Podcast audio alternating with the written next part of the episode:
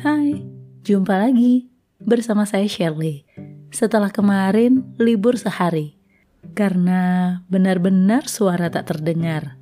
Entah setelah sekian lama, akhirnya beberapa hari ini sakit batuk dan tenggorokan ini mendatangi saya.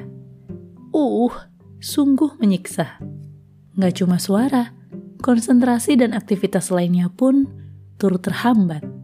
Karena anggota tubuh dalam tubuh yang sama itu satu kesatuan, jika satu yang sakit, yang lainnya turut merasakannya.